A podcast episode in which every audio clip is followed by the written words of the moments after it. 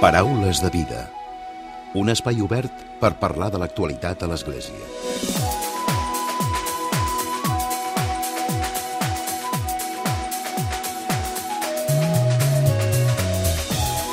Què tal? Salutacions i molt bon dia, molt bon diumenge. Avui volem conèixer la figura de qui va ser arcabisbe, bisbe d'Urgell i copríncep d'Andorra, Joan Martí Alanis.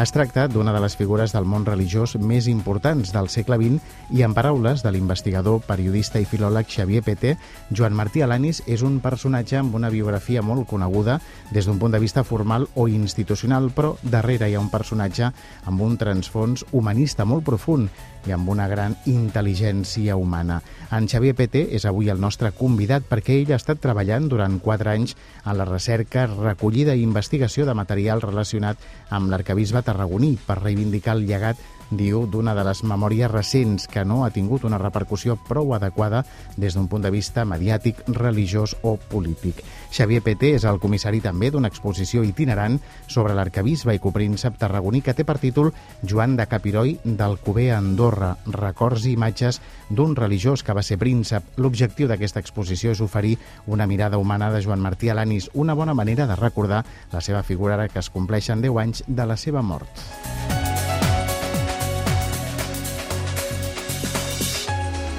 I com sempre, a la recta final del Paraules tancarem el programa amb el comentari de l'actualitat de Francesc Romeu. Comencem.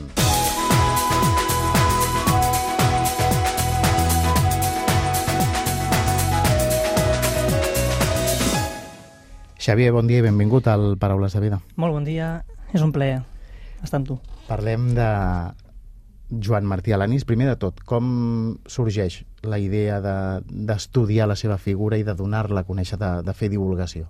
Sorgeix perquè des de molt petitet jo ja havia d'alguna manera escoltat el seu nom a l'escola, bisbe Martí del Milà, on vaig néixer, i on el mateix bisbe també va néixer l'any 28, però no va ser aleshores quan ho hi vaig posar, va ser quan jo estudiava el grau de Filologia Hispànica a la URB, en el moment en què la professora em va proposar doncs, eh, de buscar un tema relacionat doncs, amb algun aspecte relacionat amb doncs, això que deia, amb la literatura o amb algunes fonts properes, més enllà del que tothom feia, eh, em vaig atrevir a investigar un personatge que, que em tocava de molt a prop, que era precisament un altre Martí Alanis, que era l'Anton, era el seu germà, que va ser catedràtic d'universitat i eh, serventista de, de renom al, al Canadà durant un bon grapat d'anys mica en mica doncs, vaig ficant-me en la vida d'aquest personatge, de l'Anton, que havia vingut a Andorra de tant en tant a visitar el seu germà i fins i tot s'hi va construir una petita casa de fusta al vell mig de la muntanya per a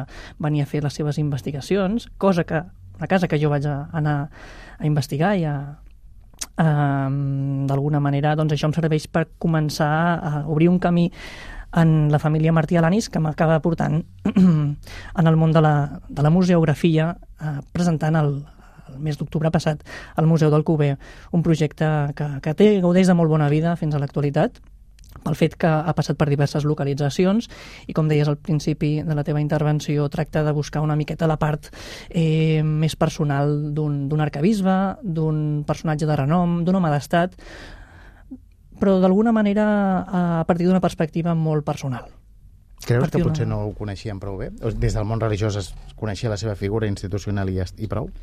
Estic segur que des de, els ambients um, de la cúria, els ambients polítics per on es va moure, se'l va conèixer amb una certa profunditat, però sí que és veritat que uh, més enllà de l'aparador molta gent té exclusivament una, una, una visió molt particular, que és la que tots els uh, diccionaris, tots, uh, totes les enciclopèdies, tots els manuals ens ofereixen.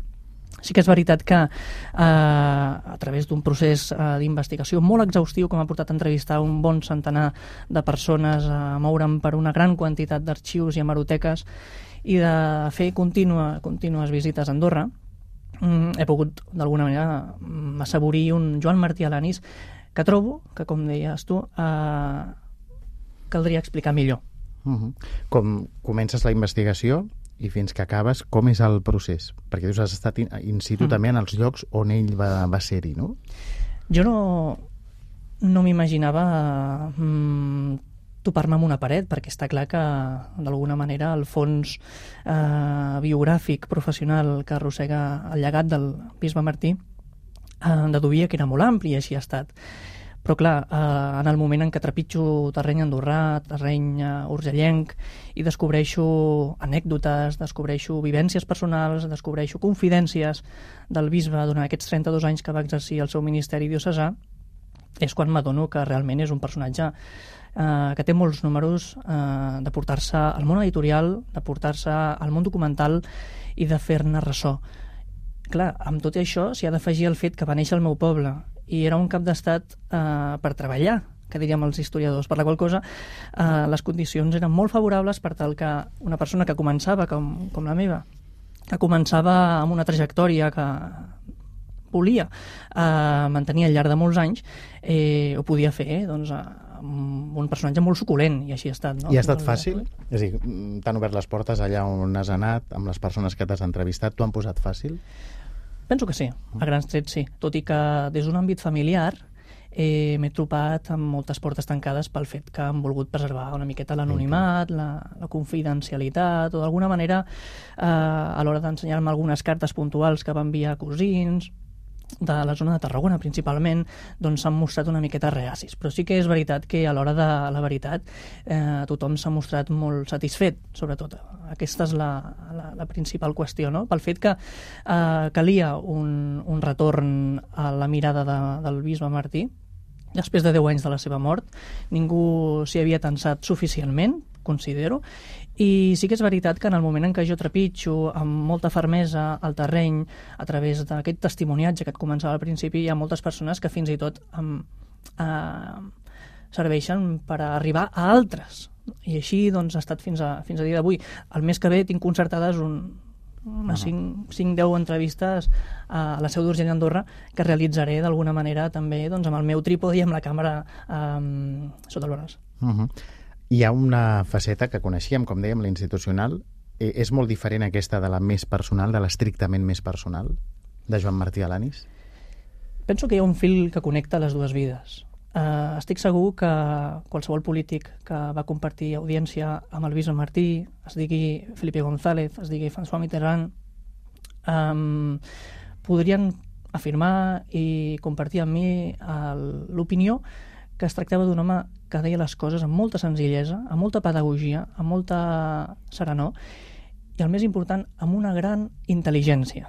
Era un home que poso un, una, una dada anecdòtica que quan nevava a l'Urgell, nevava quasi cada, cada dia, però sí que és veritat, ho fa molt mal temps durant cada dia, però sí que és veritat que en les èpoques més tempestives agafava les maletes i se n'anava a qualsevol eh, part de la península o fins i tot d'Europa, convidat per altres polítics i religiosos per a dedicar-se i tancar-se en, una, en una habitació a estudiar i analitzar qüestions de moltes, moltes eh, branques socials.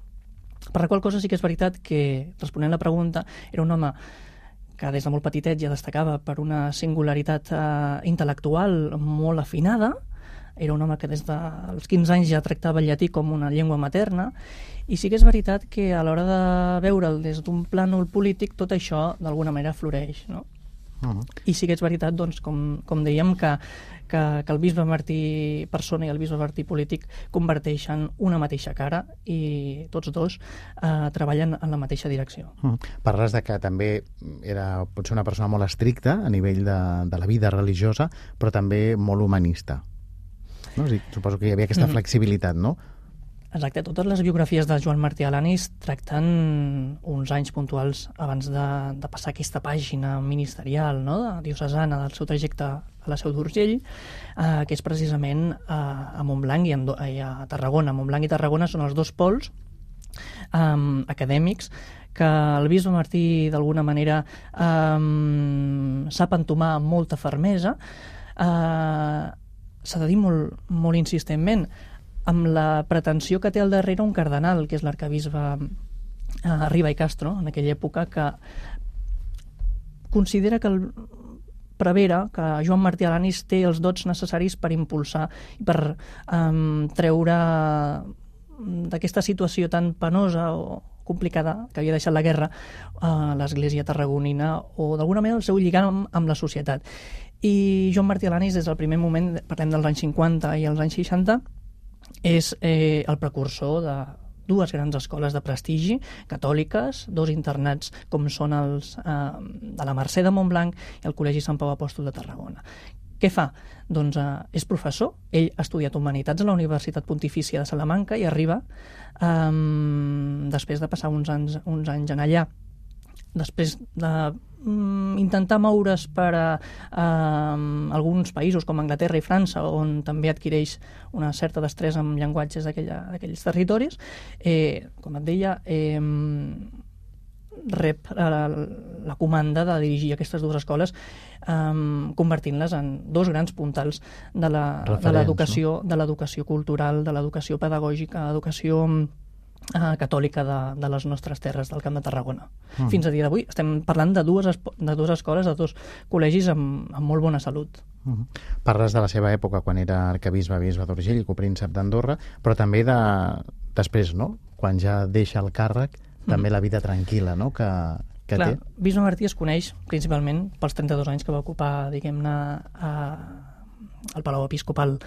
Eh, però sí que és veritat que, que ell no arriba a Andorra amb una pàgina en blanc. Ell ja havia construït la seva història i si és per alguna cosa que arriba eh, al coprincipat o exercir les tasques de copríncep episcopal és perquè darrere ja, ja, ja sí, intuïa una, una personalitat eh, molt innovadora, molt clarivident, eh, amb una gran destressa per saber amb qui moure's i això, d'alguna manera, eh, sí que és veritat, em permet, des de l'any 28 fins als anys 70, veure com es construeix un Joan Martí Alanis um, que ja ingressa una sèrie de, de requisits propis d'aquelles personalitats de, de molta talla, de molta envergadura, com va acabar sent.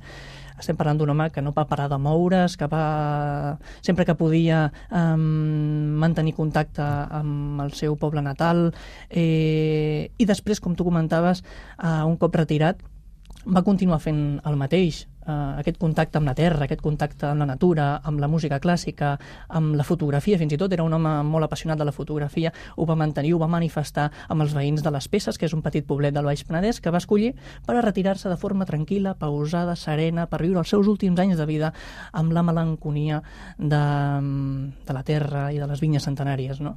Uh -huh. El teu treball i ara l'exposició, que ara en parlarem també, aquesta exposició itinerant, suposo que servirà no?, de material pedagògic també per eh, institucions eh, religioses o no que vulguin eh, conèixer també la figura de Joan Martí Alanis, no?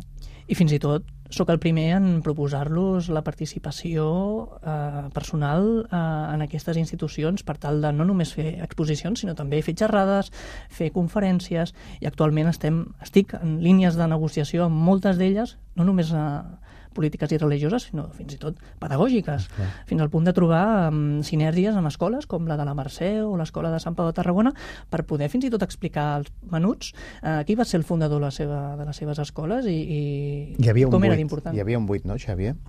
Jo penso que sí un buit eh, condicionat, eh, no sé si per, pels prejudicis típics de la cúria, que, que, que tots coneixem, o fins i tot eh, perquè la seva altivesa, la seva capacitat de situar-se en una talla tan, tan elevada, eh, ens generava eh, la necessitat de buscar múltiples elements eh, d'actuació. I això, d'alguna manera, si no es fa a través d'una institució una miqueta forta, una miqueta potent, eh, és molt difícil d'aconseguir. Jo el que estic fent és un treball de camp, personal, on passo molt bé, on gaudeixo treballant dia a dia, on faig entrevistes, on jugo en una lliga molt inferior, però d'alguna manera eh, molt digna. I mica en mica em vaig eh, situant els mitjans de comunicació amb el bisbe per davant per tal que la seva memòria, el seu llegat, torni a revitalitzar-se, torni a llegir-se, perquè treballo amb moltes cites d'ell, eh, i torni a considerar-se com el que és, que era un home que cal, que cal escoltar i cal veure eh, des d'un punt de vista que ens ajudi a, a millorar i a ser millors persones en el futur.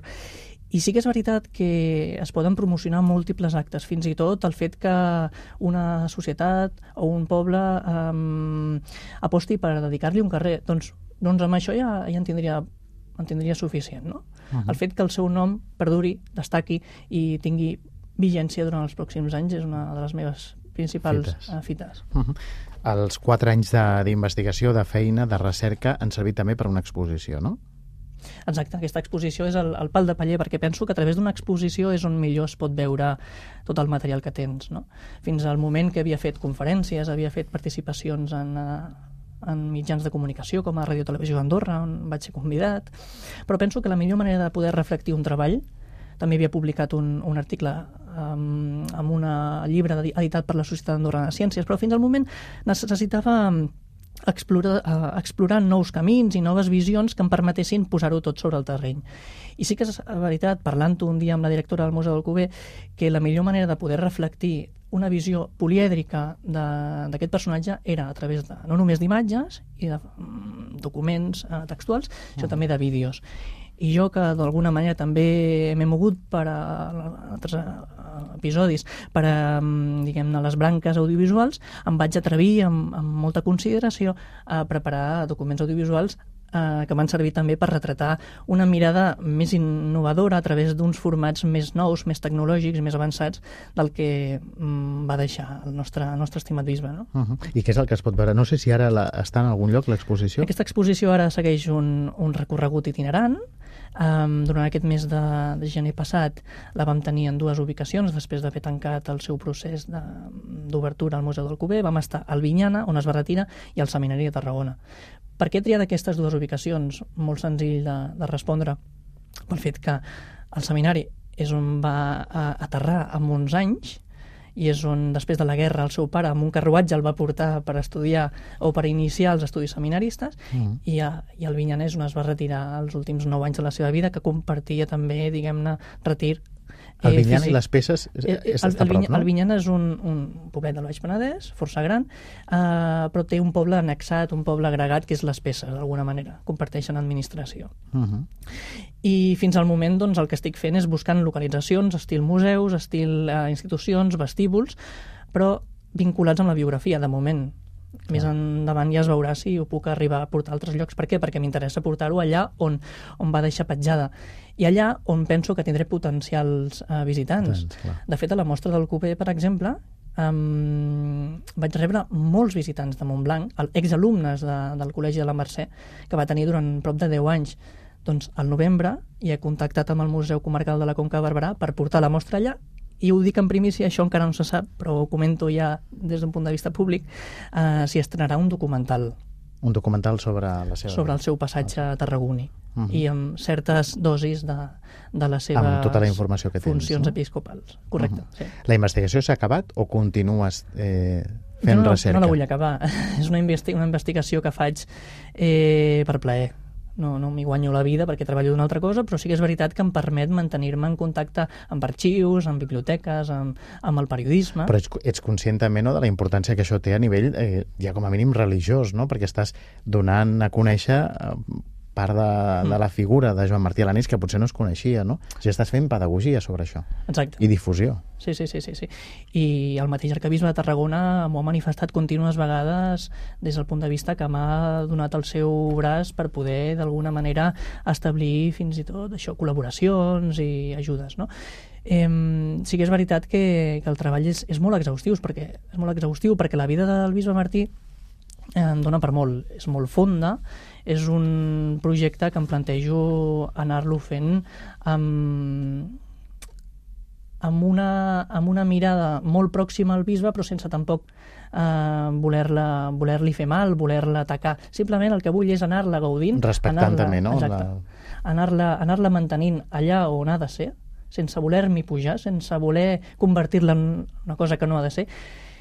I amb això em recordo, per exemple, una entrevista que li fan... Breument, Xavier. Sí, ràpidament. Em recordo una entrevista que li van fer, que li van fer en l'ocàs de la seva vida, i en una de les preguntes li deien um, com vol que se'l recordi després de morir?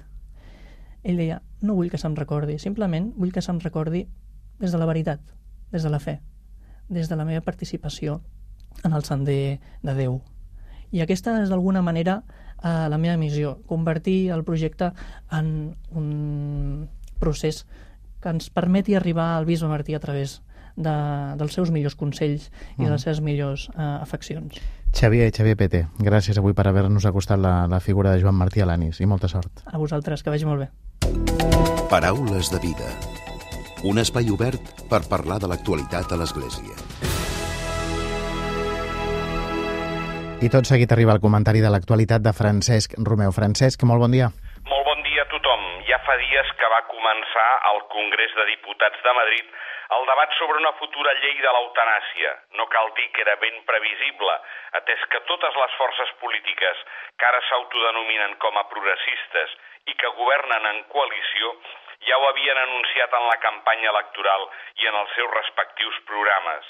Actualment a Espanya l'eutanàsia és un delicte que pot comportar fins a 10 anys de presó per tota aquella persona que ajudi a una altra a morir, encara que aquesta altra persona hagués manifestat públicament la seva voluntat de morir.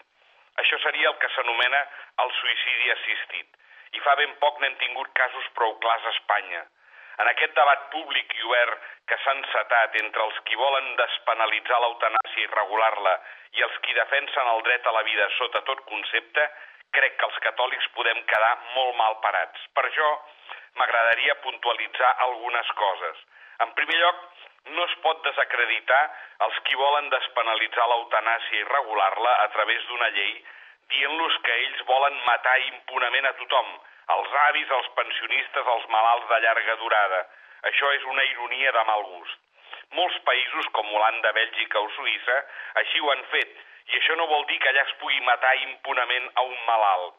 Simplement es tracta de posar un jutge no al final del procés, amb una sentència condemnatòria d'aquell que ha col·laborat en un suïcidi assistit, sinó de posar-lo al principi i sabent regular molt bé sobre qui té realment dret a demanar l'eutanàsia, com s'ha de demanar i qui està autoritzat a practicar-la. En segon lloc, i per altra banda, tampoc es pot desautoritzar els qui estan en contra de l'eutanàsia, com seria la immensa majoria dels catòlics espanyols, dient-los que ells no estan a favor d'una mort digna o que ells afavoreixen un acarnissament mèdic cap als malalts. Això no és pas veritat. També es pot parlar d'una mort digna sense eutanàsia. Per això m'agradaria fer referència al document que els bisbes d'Espanya, en la seva subcomissió episcopal per la família i la defensa de la vida, van publicar el passat mes de novembre, però que aleshores va passar del tot inadvertit. El text es titula Sembradors d'Esperança i porta com a subtítol el de acollir, protegir i acompanyar en l'etapa final de la vida. Es tracta d'un document molt divulgatiu i fàcil de llegir i d'entendre, atès que està plantejat com una bateria d'unes 60 preguntes amb les seves respectives respostes. El metge cirurgià i fundador del grup de professionals sanitaris catòlics, PROSAC, a Lleida, i autor del llibre Com viure amb la malaltia, Joan Vinya Sales, el resumia molt bé en un breu articlet a la publicació digital Catalunya Religió. Deia, les cures paliatives donen resposta a les necessitats físiques, psíquiques, espirituals i socials dels malalts en la darrera etapa de la seva vida. S'han d'adequar els esforços diagnòstics i terapèutics al, pel bé del malalt i no obstinar-se a mantenir-lo en vida a qualsevol preu. S'ha de viure a l'etapa final de la vida amb dignitat. S'ha de tractar el dolor amb els medicaments i les dosis adequades, encara que s'escurci la vida, fins a arribar, si és necessari, a la sedació pal·liativa, que està indicada quan apareixen símptomes resistents a altres tractaments i sols sedant el malalt, és a dir, dormint-lo, se li calmen els dolors, sofriments o angoixes intractables. Eliminar la vida del malalt, l'eutanàsia i el suïcidi assistit, és èticament inacceptable perquè s'escull un mal, matar, en lloc d'alleugerir les molèsties, controlar el dolor, consolar el sofriment, acompanyar i millorar la situació vital de la persona perjudica la relació metge-malalt, el poder fer perdre la confiança del malalt i societat en el metge i professionals de la salut que sempre intentarà ajudar el malalt en el seu problema de salut, sigui guarint-lo, alleugerint-lo o consolant-lo, no a provocar-li la mort. Perjudica la família, ja que es pot introduir inseguretat, confrontació i por, en lloc de solidaritat, amor i generositat especialment davant motius egoistes com herència, supressió de càrregues i incomoditats, estalvi de despeses, etc. Socialment, l'eutanàsia també té efectes dolents, especialment en l'època de l'individualisme i capitalisme que vivim, en què no és bo facilitar l'eliminació de qui no és productiu i es crea una solapada i insidiosa coacció moral al malalt que es considera inútil i, per tant, se sent inclinat a demanar l'eutanàsia. Molt bon diumenge a tothom!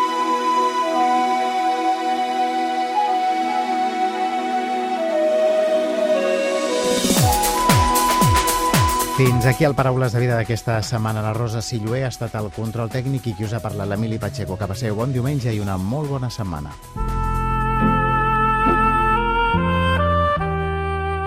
Us oferim la carta dominical de l'arcabisbe de Barcelona, Joan Josep Omella.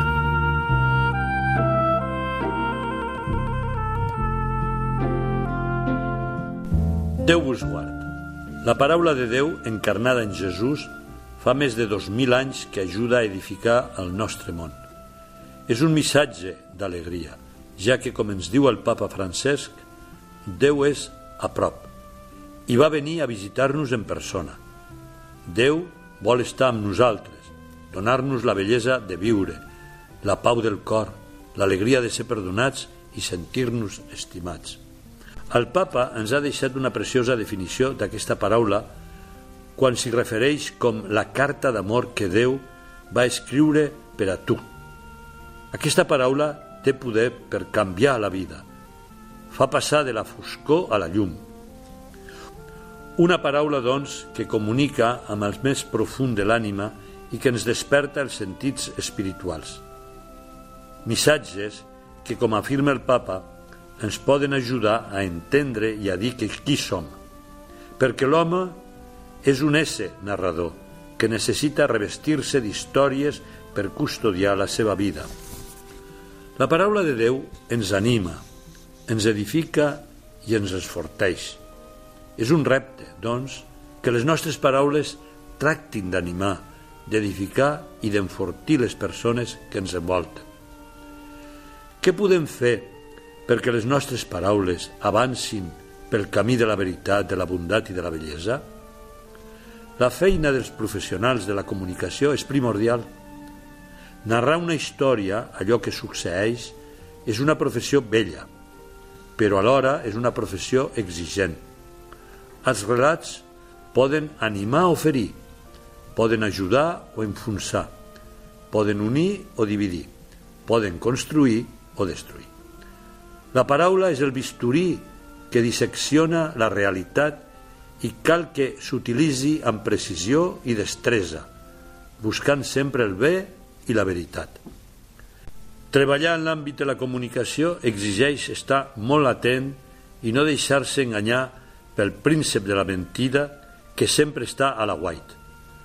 Comunicar la veritat, la bondat i la bellesa hauria de ser el principal estímul i objectiu dels comunicadors.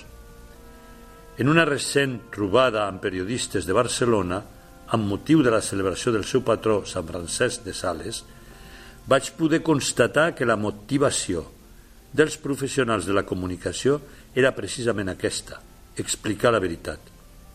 Vivim en un món en què la tecnologia marca el ritme de les nostres vides. La velocitat es distingueix com un valor. En aquest món accelerat cal trobar l'espai per poder oferir informació fidedigna i veraç. Necessitem persones que puguin donar fe del que succeeix. Animo a tots, siguin professionals de la comunicació o no, a dir sempre la veritat i a generar notícies fidedignes. Fidedigne, del llatí fides i dignus, significa digne de fe, de confiança. Siguem dignes de fe i de confiança amb les nostres paraules. Promoguem Fidei News i acabem amb les fakes news. Benvolguts germans i germanes, que la fe i la confiança que genera el missatge de Jesucrist ens ajudi a caminar cap a la veritat, ens doni força i ens reconforti sempre. Us hem ofert la carta dominical de l'arcabisbe de Barcelona, Joan Josep Omella.